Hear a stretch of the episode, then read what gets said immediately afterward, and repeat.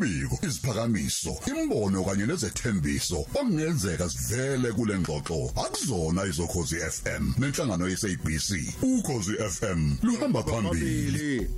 Ngempela ke luhamba phambili ukhozi FM sesibuyileke umhlaziyi wezepolitiki ozimele uKhanyi Magubane.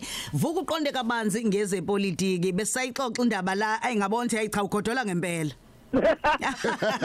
Kubuhlungu kuba yimina okwamanje ngoba nje i-temperature manje ithi minus one njengoba Yo. ngikhuluma nani uyabanda asisakhulumi laba abasendleleni ematekisini emabhasini abahamba kuwona lok- lokubanda lokhu. So mina ngingcono at least ngisendlini. Ah madoda. No kodwa ke siyabonga kakhulu nokuthi sikwazi ukuthi nje sikhulume yize noma ke nenkinga kagesi nani nalokho nalokho. Kodwa ke siyathemba ukuthi kuzoxazululeka ngoba usayikhuluma indaba ukuthi awu khona abantshontshayo amakhebula. Wavela kwathi inyala lapha ngathi banele bakuzwa nje. Bavele bathi uyabona lo?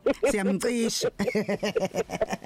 Kwakhe. Kulungile. Ake sikhulume la kuningi okwenzekile kule mpela sonto mhlamba ke sibuke nje eh udaba olithinta umongameli wezwe eh upresident Cyril Ramaphosa eh siyeke sezwa nodaba olithinta futhi udeputy eh, president uPaul Mashadile eh, ukuthi khona la abangavumelani khona ngenkulumo eh yakhulunywa u- udeputy president mhlambe siyafisa ukuthi wena njengomhlazi usibekele. Eh ngiyabonga Mroza. U u Deputy President uPaul Mashatile u ukhiphe i- i- i- isigaxa sendaba enkulu izolo sokuthi kuneyimfolo zokuthi ufuna ukukhishwa okuhlaleni sakhe eh ngokuphela nje kwalenyanga elandelayo.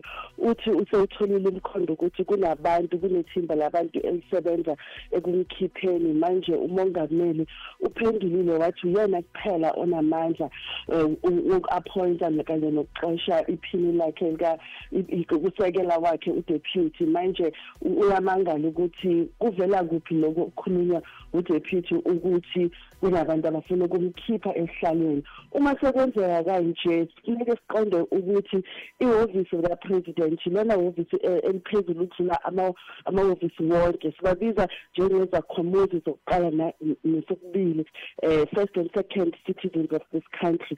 Manje uma kuzoba ukuthi udeputy president uzizwa engekho secured kuposition yakhe. Lokho kungasho kuvuse ukungazwani njengoba ngaphambilini sasibona ukuthi umongameli nedeputy yakhe yasekuqaleni uDP Mabuza. Kwakungathi nje nabo ku- ku- ku- kunokuthi nje bangazwani. Manje besethemba ukuthi eh uPaul Mashadile no nomongameli bazosebenzisana kangcono. Futhi bese kubonakala kanjalo ukuthi ngathi bona ubudlelwane babo bungcono kunalobu upresident ebenabo no-DD kodwa ke manje uma sekuzovela izolo zokuthi kunabantu abafuna ukumsusa ekuhlaleni lokho kusho ukuthi i- i-political instability phakathi ku-ANC isasekhona. Kusho ukuthi lokhu abazama ukwenza ukuthi babe yimbumba basebenzisane eh, phakathi ku-ANC noma kuhlukene ama-sections. Kusho ukuthi kusasenenkinga ekufuneka ukuthi icwaninge izolo bekuyi-NEC ngicabanga ukuthi bazosukuma bayi- bayibhekisise kahle le ndaba ukuthi udeputy angaze akhulume amagama amakhulu kangaka futhi angayikhulumi phakathi ku-ANC uyikhuluma kumedia ukhuluma ney'ntatheli manje funeke sizibuze ukuthi yini kahle kahle le eyenzakalayo uma udeputy ezofila ngathi akekho secured ku-position yakhe. Mm.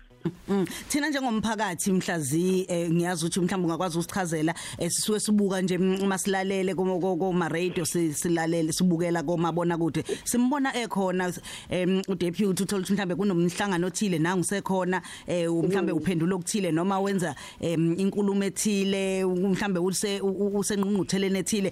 Amehlo ethu asem amjwayele manje njengomphakathi. Thina besibona ngathi kuhamba kahle kusho ukuthi indlela leyo yokusebenza.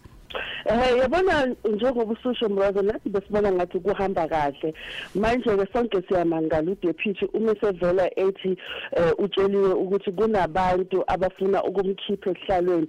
Ngicabanga ukuthi yingako umongameli athathe isinyathelo sokuthi amnikeze leso sithembiso ukuthi akhululeke eh, esihlalweni sakhe ngoba akekho umuntu ozomkhipha esihlalweni sakhe ngaphandle kwakhe njengomongameli. Ubuyena onamandla eh, si- si- sibiza nge-right une-presidential right yokuthi a- akhethe ukuthi ngi- ngiyakukhipha uthi umongameli cha asikho nje isidingo sokuthi uthuke isihlalo sakho sisecured. Mm.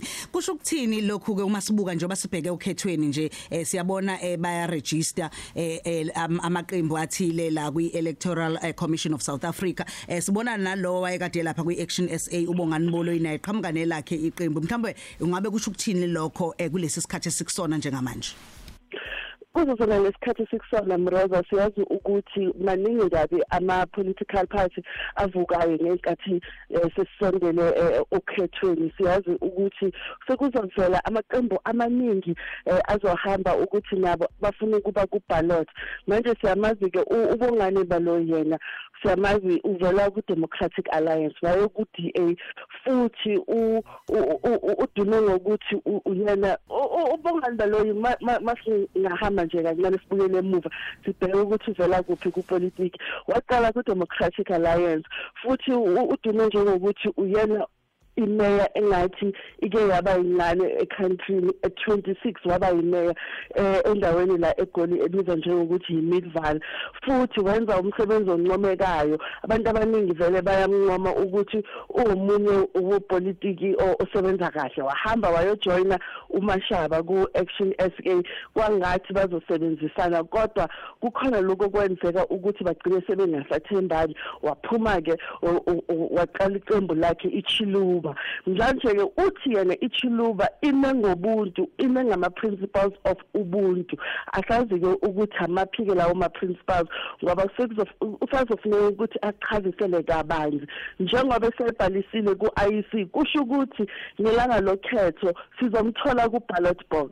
Kodwa kuyena kuphela asazoba maningi amaqembu ngisho nani nje ningawaqala wenu nami ngingaqala elami njengoba sike sibona i-ballot paper igcine hleyinde sekuyiphepha elide ngoba wonke umuntu onalo ikhono lokuthi abhalise. Uma nje kukhona abantu abakusekayo abanele nawe ungahamba uyobhalisa iqembu lakho ku-IEC Mm, nazi ke futhi ke ezinye insolo ke esizwile ngathi kunokuxambukela kwezepolitiki mayelana nokukhishwa kwethenda yalapha eh, ekuruleni engango 2 billion yokuseki yokusebenza ngokwama security angazi lapho ukuthi ke ungathini kulolo daba. Eh ngempela ku- ku- kunendaba lapha e- e- e- City of Ekurhuleni njenge metro eh eh, eh, esivelile ukuthi kunethenda ye 2 billion eyakhishwa eh emva kwamalanga awu23 kuvalwe i-advertisement ye- yethenda. Manje amankampani asebenzayo ku-security kwamanje afuna ukubayisa enkantolo ukuthi kuvele ukuthi bakhethwe kanjani laba abasha ngoba bafuna ukubona ukuthi kuhambe ngendlela na lokho sikubiza nge-supply chain ne-procurement. Bafuna ukubona ukuthi ama-evaluation bid avalwe nini abhekwe nini ukuthi konke kuhambe ngomthetho la. Ngoba bathi bona angeke kwenzeke ukuthi emva kwamalanga awu-23 kuphela kube seku-appointwe ama-security company amasha ayi-10 bona sebekhishiwe esikhundleni. Basola ngokuthi kukhona i-corruption eyenziwe ngoba um i-city of ekululeni bayisola ngokuthi yatshelwa abepolitiki ukuthi nawo amakhampani enizowakhetha khiphani la akhona. Manje la akhona abayisa enkantolo ukuthi i-metro um basetshenziswa ama-politician ukuthi kuqhutshwe i-corruption ngaphakathi. Yo siyabonga kakhulu eh ngokuthi ke usichazele ngakho lokho so lokhu silandela ke nje nathi eh singabalaleli sizwa eh ukuthi ke mhlambe ke kuqhubekani njengoba ke sophinde sihlangane futhi ke ngokuzayo siyabonga kakhulu Khanyi.